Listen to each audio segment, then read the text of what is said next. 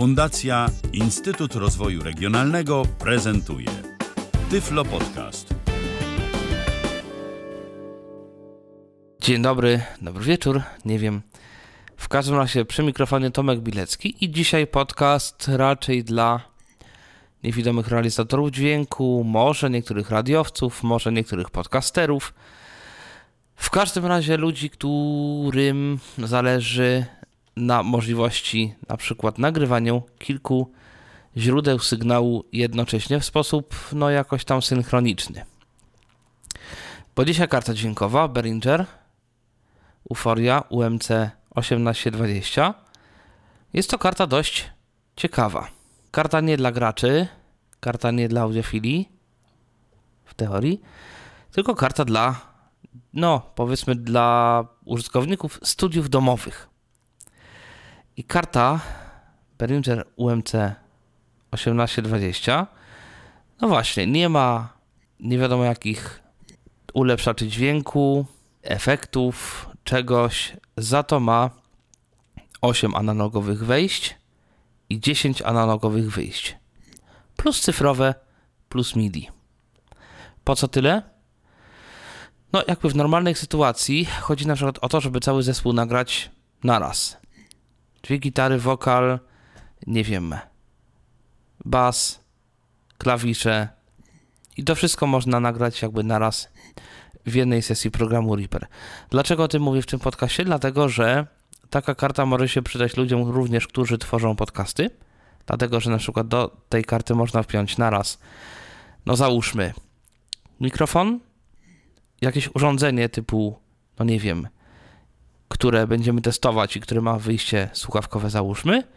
I oprócz tego można nagrać syntezę, chociażby używając takiego małego triku. I to wszystko można nagrać na osobne ścieżki bez żadnych problemów. I jakby używając tylko jednej karty. I programu typu na przykład Reaper, który potrafi nagrywać na kilku ścieżkach. Karta jest jedną z najtańszych tego typu, bo kosztuje niecałe 900 zł. Czasami ponad 900. No w każdym razie można bezpiecznie mogę powiedzieć, że na pewno zapłacimy za nią mniej niż 1000 zł, przynajmniej w obecnej chwili. I to jest rzeczywiście najtańsza tego typu, z tego co wiem, karta. Natomiast ta karta jest dość duża. Ona ma w ogóle zaczepy do tak zwanego raka, czyli do takiego statywu na różnego rodzaju sprzęty. Nie tylko muzyczne, bo na przykład y, w informatyce, w jakichś serwerowniach też się takie szafy stosuje. To są szafy, które mają szerokość 19 cali, czyli no prawie pół metra szerokości. Nie no, pół metra szerokości. I te szafy, no właśnie służą do mocowania różnego typu e, sprzętów, znaczy szafy. No to są takie stojaki e, o różnych wysokościach. Ta karta ma śruby mocujące do tego czegoś i można ją sobie zaczepić. Dlatego ona jest w bardzo takim kształcie nietypowy. Ona jest bardzo szeroka, bardzo płytka, dość niska. Zajmuje tak zwany jeden U, czyli jeden slot w takim raku i ona ma jakieś jeżeli chodzi o głębokość, to jest to około 12 cm, a wysokość to może jakieś 3-4 cm. Nie pamiętam ile to jest 1U. Może 5 cm. No i szerokość właśnie mniej więcej tyle, ile taki jeden rak, czyli no właśnie 19 cali, czyli jakieś prawie pół metra. I teraz ta karta ma, tak jak wspomniałem, 8 wejść analogowych. I teraz uwaga, to są wejścia mono, które mogą tworzyć cztery pary wejść stereo. Każde wejście jest oparte na tak zwanym wejściu combo, czyli to jest XLR w środku jack. XLR to jest takie wejście, jakby ktoś nie wiedział, y, okrągłe, duże, z trzema takimi bolcami i w środku tego wejścia jest duży jack. I to są wszystko wejścia, przypominam, mono, nie stereo. Oprócz tego mamy 10 wyjść analogowych oparte na dużych jackach, już bez XLR, bez XLR-ów. I są dwa wyjścia słuchawkowe. Dwa wyjścia słuchawkowe, wyjścia MIDI, wyjścia SPD-IF oparte na gniazdach cinch i gniazda przełączalne. One mogą być albo SPD-IF, albo tak zwane gniazda ADAT oparte na gniazdach optycznych.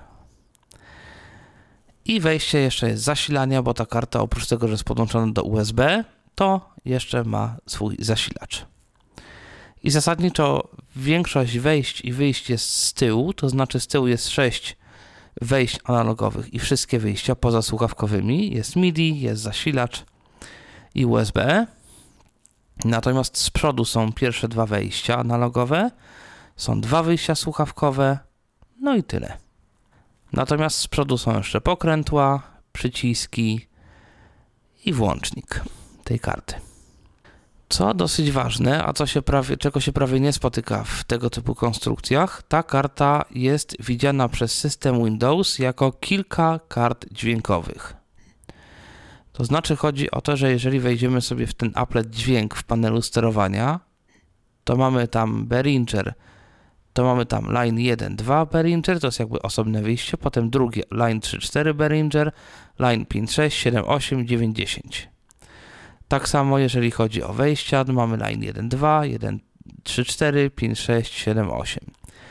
Czyli można ustawić sobie powiedzmy, nie wiem, Winampa, Fubara, jakiś tam jeszcze inny program, dźwięki systemu na różne pary wyjść. To wszystko będzie stereo i potem można to sobie podłączyć do miksera i załóżmy w mikserze już sobie e, wszelkimi głośnościami tutaj manipulować. I to jest to pewno dobre właśnie dla różnego rodzaju radiowców, na przykład niewidomych, którzy są, chcą sobie mm, na przykład dwa, nie, dwa deki, załóżmy syntezę na osobnych kartach. Można kupić taką jedną kartę i tego, i tego używać w ten sposób.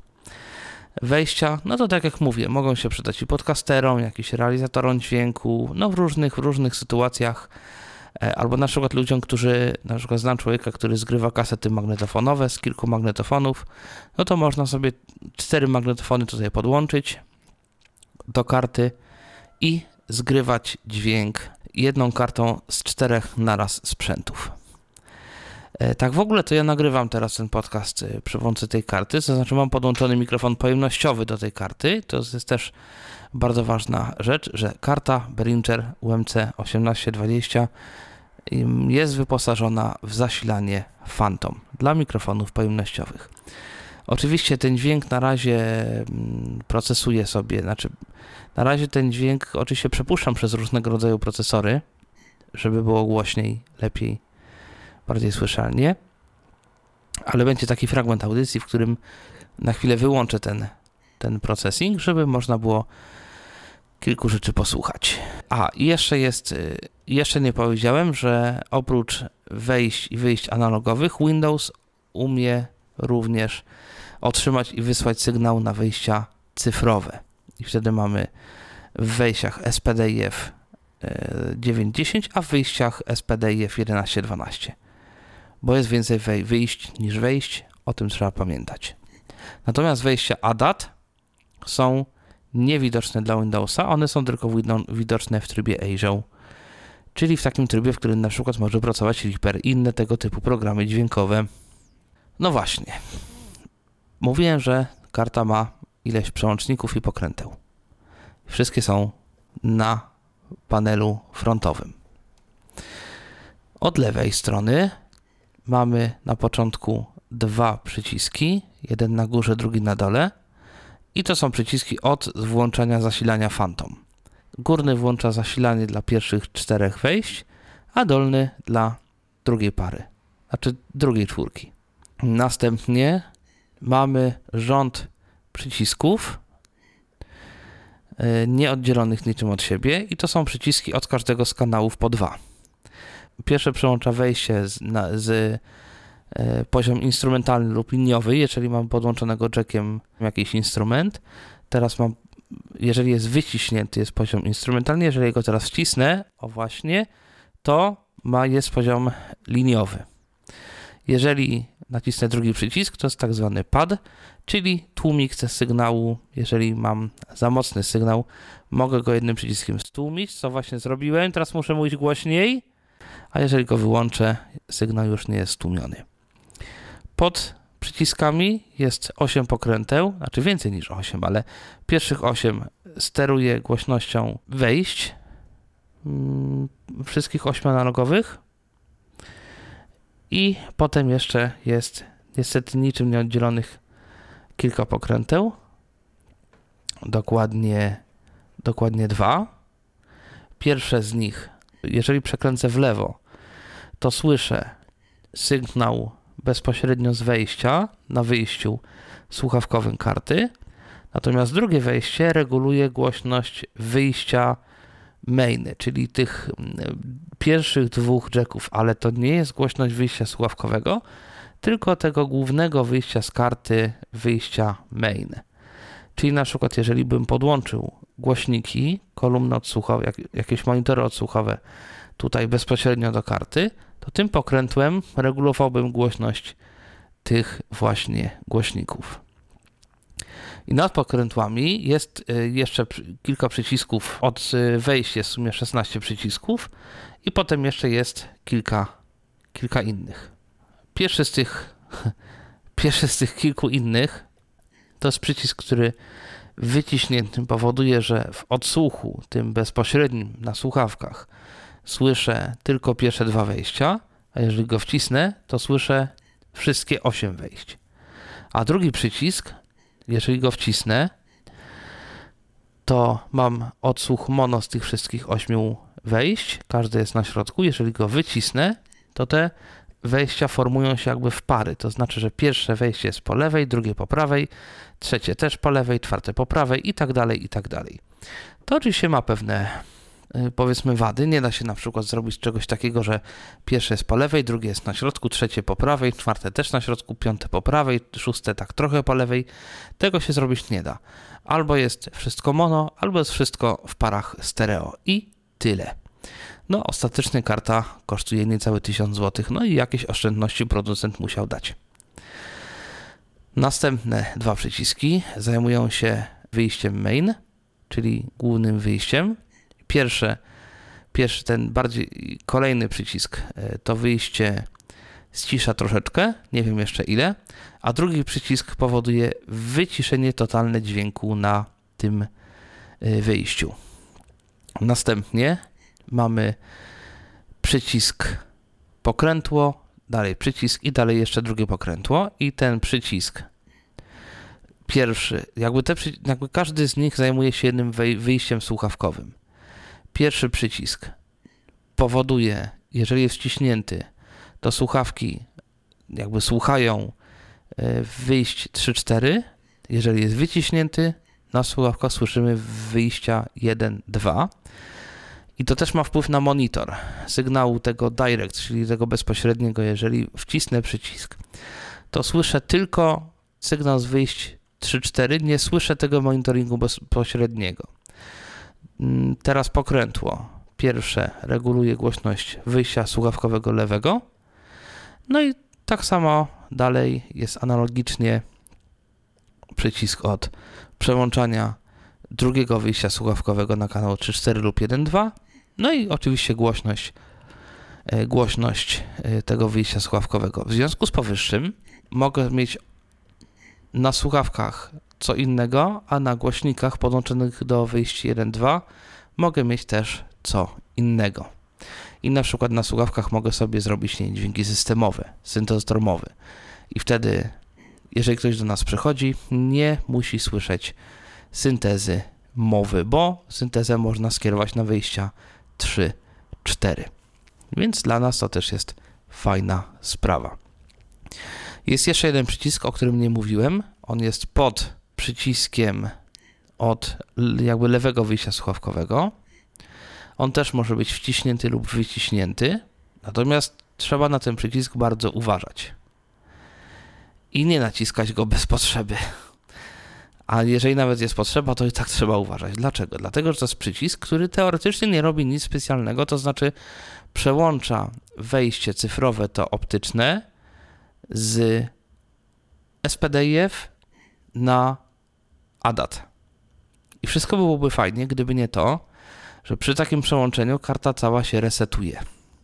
A jeżeli karta się resetuje, to wszystko, co nagrywa, odtwarza na tej karcie, nagle nie ma dostępu do, do karty. Tak jakby karta się na chwilę wyłącza, coś tam sobie zmienia i się włącza. No i teraz zależy, wszystko zależy od programu, który jest y, skierowany na tą kartę, bo program się może równie dobrze wysypać.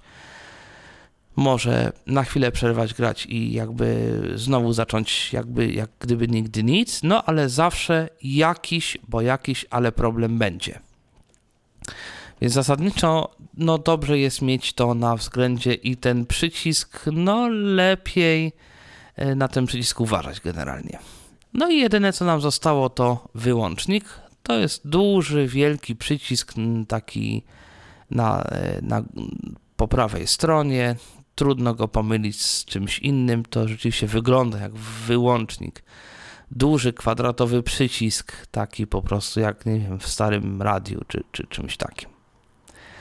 No i w zasadzie tyle, jeżeli chodzi o przyciskologię i gałkologię, ale ta karta, jak zresztą większość innych, tego typu ma również swój taki panel sterujący w formie programu komputerowego na Windowsa. Panel, dzięki któremu można, można te karty jakoś tam obsługiwać, wybierać e, opóźnienia w trybie ASIO i tak dalej, i tak dalej. Program nawet jest dostępny. Mm, tam nie ma zresztą nic specjalnego, bo ta karta nie ma żadnych e, DSP-ków odpowiedzialnych za nie wiem, efekty, czy jakieś procesory dynamiki, czy nie wiem, limiter, coś. Nic takiego tam nie ma. To wszystko trzeba realizować już ewentualnie wtyczkami. Ja teraz sobie otworzę ten program. UMC Control Panel. UMC Control Panel Dialog 44100 Hz. Dialog z zakładkami. Status zakładka zaznaczony 1 z 7. Normalnie tych zakładek będzie 5, ja mam 7, dlatego że tam da się wyedytować jeden plik z ustawieniami i wtedy tego jest więcej. Ale normalnie będzie zakładek 5. Pierwsza to jest zakładka status, na której Początek. można. UMC 1820 F818 BB4B. Pusta. Current sample rate. 44100 Hz. Koniec. 4. I tyle. Czyli takie informacje najważniejsze o karcie. Absence zakładka zaznaczony 2 z lista rozwijana on when needed zwinięte. Streaming. Dialog z zakładkami. Absence zak To nie wiem, co to jest za zakładka. Tu streaming można włączyć, wyłączyć, nie wiem. Clock source zakładka zaznaczony 3 z 7. Mm, To zakładka wybiera czy, mm, źródło zegara, ale to chodzi. Jakby normalnie tego się raczej nie będzie wykorzystywać. Buffer settings zakładka zaznaczony 4 z 7. I teraz wchodzimy do zakładki Buffer Settings, która będzie rzeczywiście w trybie ASIO wykorzystywana raczej często. Strona input latency 238 samples 5.40 ms, output latency 198 samples 4.49 ms, current sample rate 44100 Hz. Lista rozwijana 128 samples zwinięte. I tu mamy listę rozwijaną, jako pierwszą się musiał nagadać, w której wybieramy de facto, jakie karta będzie miała opóźnienie. Mamy tu kilka wartości, nie będę ich zmieniał, bo w tej chwili nagrywam przez tę kartę. Nie chcę, żeby mi się tu coś rozwaliło, ale jakby tym, w tym miejscu zmieniam opóźnienie jakby od wejścia do wyjścia, które karta będzie generować. No jakieś musi, ono musi być na tyle małe, żeby było jak najlepiej, z drugiej strony na tyle dużo, żeby nie powodowało błędów. I zasadniczo różnie to bywa. Mm, W tej chwili mam ustawione około 10 milisekund. Takie opóźnienie razem, jakby licząc wejściowe i wyjściowe, i ono nie jest złe, aczkolwiek przy bardziej złożonych projektach, no już powoduje jakieś tam opóźnienie. Preferred ASIO buffer size grupa. Save mod pole wyboru oznaczone. To jakiś tam safe mode, żeby on w razie czego, nie wiem, był bardziej bezpieczny. Nie wiem o co chodzi. Mam to zaznaczone. Dialog z zakładkami. Buffer. Volume zakładka zaz... Volume to jest teoretycznie można tu sterować głośnościami. Input. Przycisk. Output. Przycisk. Input. Niby mogę wejść nawet w input, Input volume dialog. Dialog master 0. Suwak 0. ale to jest tylko jeden suwak. Nie wiem, czy, UMC czy to nie jest ten moment, gdy karta staje się niedostępna, ten panel, czy po prostu rzeczywiście jest tylko jeden suwak. No w każdym razie tak jest. Niemniej i tak głośności reguluje się przy pomocy pokręteł. Nie wiem po co tutaj są te suwaki. Dialog z zakładką. Client info zakładka zaznaczony 6 z 7. I tej zakładki nie będzie normalnie, natomiast można ją sobie włączyć edytując odpowiedni plik INI. Number of active WDM clients 6. Number of active ASIO clients 38. Strona current state. Dialog z. Stron... Streaming state. Active 1 z 3. Number of active WDM clients. Number of active ASIO clients. 38 3 z 3. Dialog. Dlaczego on aktywnych klientów ASIO widzi 38, to nie wiem. Widocznie Reaper to sobie jakoś tak otwierasz tego z 38. No, nie wiem, może komuś się takie informacje przydadzą. Domyślnie ta zakładka jest ukryta, Info zakładka zaznaczony 7. Info. Device info w której też mamy różnego rodzaju informacje o karcie. Manufacturer. Beringer 1 z 5. Produkt. UMC 1000. VIDPID. Revision. V1.0. Serial no. F. I tyle. I to w zasadzie cały Właściwie- panel. I w zasadzie na dobrą sprawę najważniejsze w tym panelu jest tak naprawdę zakładka buffer, czyli buffer, która steruje nam opóźnieniem. Może komuś się też przyda zakładka odnosząca się do zegara, żeby wybrać sobie, czy źródłem zegara ma być karta, czy podłączone urządzenie, ale to rzeczywiście w bardziej zaawansowanych raczej scenariuszach. I myślę, że jeżeli ktoś mm, chce coś takiego zmieniać, to myślę, że tutaj mm, nie będzie raczej potrzebował moich rad w tym względzie. To mamy mniej więcej omówioną kartę i tu jakby niewiele zostało już tam do omówienia. E, Co najwyżej omówić e, wypadałoby, jak syntezę nagrać, która z tej karty wychodzi, bo to no, jest tam to kilka sposobów. Ja omówię taki, który według mnie jest najlepszy. E, I zostało jeszcze kilka pokazać próbek z tej karty. Dobrze, to zacznę może od tej syntezy, bo tak jak mówiłem, nie jest to o tyle proste, że karta nie ma w ogóle stereomixa żadnego takiego, który byłby dostępny normalnie w Windowsie jako osobna karta. E, Oczywiście programy typu Goldwave, które wykorzystują kruczki i sztuczki związane z, z Wasapi, mają dostęp do stereomixu we wszystkich kartach. W Behringerze to też działa, z tego co pamiętam. Natomiast jakby program w cudzysłowie normalny, no nie ma takiej możliwości. A co jeżeli bym chciał mimo wszystko nagrać syntezę, tak jak to niniejszym czynię w Reaperze? Zrobiłem to w dość prosty sposób, to znaczy podłączyłem sobie kabel, znalazłem sobie kabel, który z jednej i z drugiej strony ma gniazdo cinch i ten kabel podłączyłem do wejścia i wyjścia cinchowego w tej karcie. To jest gniazdo cyfrowe, czyli nie powinienem mieć żadnych strat, mm, gdy to podłączę w ten sposób. I w ten sposób przez SPDIF, jeżeli wypuszczę jakiś dźwięk przez SPDIF, to na wejściu SPDIF uzyskam również ten sam dźwięk. Taki stereomix zrobiony sprzętowo. Dzięki temu, jeżeli wyślę sobie syntezę właśnie na wyjście SPDIF tej karty, to nagrywając na SPDIF mogę uzyskać e, właśnie sygnał z tej syntezy. To jest też o tyle dobre, że w ogóle wszystko, co skieruję na SPDIF, czy to będzie w ASIO, czy nie w ASIO, e, mogę sobie jakby łączyć w tym momencie klienty ASIO z klientami dowolnymi innymi. Na przykład, jeżeli chciałbym, mógłbym zrobić coś takiego, że na przykład podłączam mikrofon do karty, zrobię jakiś processing w Reaperze, na przykład jakiś, jakimiś tam wtyczkami do radia, wypuszczam sygnał przez wyjście SPDIF, nasłuchuję sobie w programie jakimś radiowym z wyjścia właśnie SPDIF, z wejścia SPDIF i ten sygnał już sprocesowany wychodzi mi na radio, tudzież gdziekolwiek indziej. W każdym razie, no, taka rzecz jest możliwa do, do zrealizowania. I rzeczywiście taki, taki sprzętowy Stereomix zdaje tutaj egzamin. I druga ważna rzecz, karta nie ma problemów w obsłudze różnych częstotliwości. Jeżeli jeden program y, chce wykorzystywać 48 kHz, drugi 4400, y, karta jest ustawiona jakoś tak, że nie wiem, y, część wyjść jest w takiej konfiguracji, w takiej częstości próbkowania, inne są w innej. Nie powinno to tej karcie sprawiać problemów, aczkolwiek polecam wszystkim jednak trzymanie się jednego standardu, bo to zdrowiej e, po prostu dla wszelkiego rodzaju urządzeń. Tak samo karta nie ma żadnego problemu z działaniem jednocześnie w trybie ASIO i WDM, także można nagrywać na przykład w Reaperze przez ASIO, korzystać z nie wiem, z Windowsa na tej karcie jednocześnie. Jedyne, co mi w tej karcie rzeczywiście jakoś nie bardzo działało, to alternatywny klient Telegrama, komunikatora, który nazywa się Unigram. I rzeczywiście z tym klientem były problemy. To znaczy, ten klient nie chciał nagrywać z tej karty.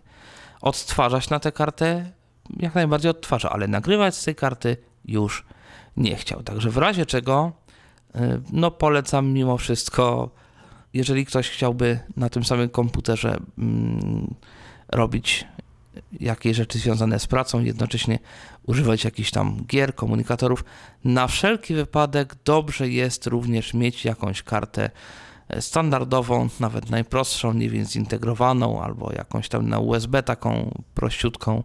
Są karty za kilkanaście czy kilkadziesiąt złotych i w razie czego warto taką kartę mieć. No i teraz pozostała kwestia jakości samej karty, chociażby przez wzmacniaczy w niej wbudowanej. Bo jak już mówiłem, karta ma XLR, kartę ma Phantom, więc jak na niej działa mikrofon pojemnościowy, to już słychać. A zaraz podłączę mikrofon dynamiczny, bo mikrofon dynamiczny ma znacznie słabszy sygnał i tu będzie można pobawić się troszeczkę w ocenę szumów tej karty. Karta niestety ma dość słabe przezmacniacze. Tam jest wzmocnienie maksymalne plus 40 dB, nie jak w, większości średniej klasy przezmacniaczy plus 60 a w ogóle już dobre, naprawdę dobre przezmacniacze mają wzmocnienie plus 75, tu jest plus 40. Co nie zmienia faktu, że te, te przezmacniacze są dość dobrej jakości. No i cóż, odłączam mikrofon pojemnościowy, przez który się obecnie nagrywam. Właśnie podłączyłem tylko go przygłośnie. Mik o jest. Mikrofon dynamiczny. Mówię teraz do mikrofonu dynamicznego mniej więcej w takiej samej E, w takiej samej odległości, jak mówię do mikrofonu pojemnościowego, z tym, że muszę mieć e, odkręcony przez wzmacniacz na, na maksa, żeby osiągnąć taki efekt. Niestety. E, teraz jeszcze. Teraz mam mikrofon oddalony od siebie o jakieś 20 cm. Też mogę sobie tych szumów posłuchać. I w ogóle mogę mówić bardzo cicho, niemal szeptem, sprawdzić, czy mikrofon pojem dynamiczny, który jest ode mnie bardzo daleko, poradzi sobie z taką głośnością, z taką dynamiką i czy przewzmacniasz karty sobie poradzi z taką dynamiką. No może nie jest to jakiś bardzo profesjonalny test, takie rzeczy się robi inaczej przy pomocy opornika określonej rezystancji, no ale ja takich rzeczy nie mam, więc niestety nie będę mógł tego zrobić w sposób profesjonalny. Dobrze, przełączam się na mikrofon pojemnościowy. No właśnie taka jest różnica. Teraz mówię do mikrofonu pojemnościowego. Tak to wygląda. Dobra. Ja go ściszam mniej więcej do takiej głośności, jak było wcześniej i no właśnie, głośniej nie będzie. I gdy przy mikrofonie pojemnościowym nie ma to większego znaczenia, no to mikrofon dynamiczny, gdyby nie processing, no to jest rzeczywiście dość cicho. E, przez, przez tą kartę to, to wszystko słychać. Także ze swojej strony, jeżeli chcielibyśmy używać tej karty jako przezmacniacza do jakichś e, celów, powiedzmy, nagłośnieniowych, no to i tak się używa raczej miksera, więc tu nie powinno być akurat większego problemu. No tak czy tak, myślę, że mimo tych małych wad, o których mówiłem, karta jest naprawdę godna polecenia. Oczywiście nie dla wszystkich, tak? Karta nie ma algorytmów 3D do dźwięku, nie ma jakichś pogłosów, nie ma odszumiacza, nie ma innych takich rzeczy. Nie ma, nie jest w 112 kHz, tylko zdaje się w 96 kHz przy niektórych zastosowaniach to jest rzeczywiście jakiś błąd, ale z tego co wiem, wersja 404, czyli czterokanałowa, już taką częstotliwość zdaje się próbkowania posiada. Natomiast ja też nie testowałem, czy rzeczywiście jest w pełni przenoszony do 100 kHz dźwięk. No dobra, 96 kHz przy 192. No w każdym razie tak czy tak. Myślę, że zwłaszcza jak za tę cenę, no to karta naprawdę wydaje się bardzo dobra. Nie wiem, czy to już stanie, bo ta karta już od pewnego czasu na rynku jest. Natomiast przez jakiś czas nie powinno się tu pojawić nic nowego przedmiot Behringera, chociaż kto ich tam wie. Może za jakiś czas prowadzą jakąś nową kartę. Oby była tylko lepsza, oby nie miała jakichś, jakichś swoich wad. No ale tak czy tak, mm, na razie jest dobrze. Naprawdę ta karta moim zdaniem jest, jest w porządku. Ma wszystko, co karta powinna mieć. Przedmocniacz ma dość dobrej jakości. Może sekcja monitoringu wymaga pewnego rozbudowania, ale tak naprawdę myślę, że i tak większość osób, które będą miały taką kartę, będzie miała również mikser, a wtedy kwestia monitoringu no raczej zyskuje znaczenie marginalne, powiedzmy sobie. No w każdym razie tak czy tak, mm, tak jak mówiłem, karta jest godna polecenia, u mnie się raczej nie zawiesza, nie psuje, nie powoduje jakichś, jakichś problemów, także no myślę, że mogę ją polecić dość spokojnie. Oczywiście tym, którzy potrzebują kil kilka par wejść, kilku par wyjść. No i tyle. Z mojej strony to chyba już wszystko. Dziękuję Państwu za uwagę, za wysłuchanie tego, tego podcasta do końca, o ile się to komuś udało. Oczywiście zapraszam do komentowania, zapraszam do słuchania innych podcastów na łamach Tyflo Podcastu. No i nie pozostaje mi nic innego jak mm, pożegnać się z Państwem, co niniejszym czynię. Do usłyszenia. Był to Tyflo Podcast. Pierwszy polski podcast dla niewidomych i słabowidzących. Program współfinansowany ze środków Państwowego Funduszu Rehabilitacji Osób Niepełnosprawnych.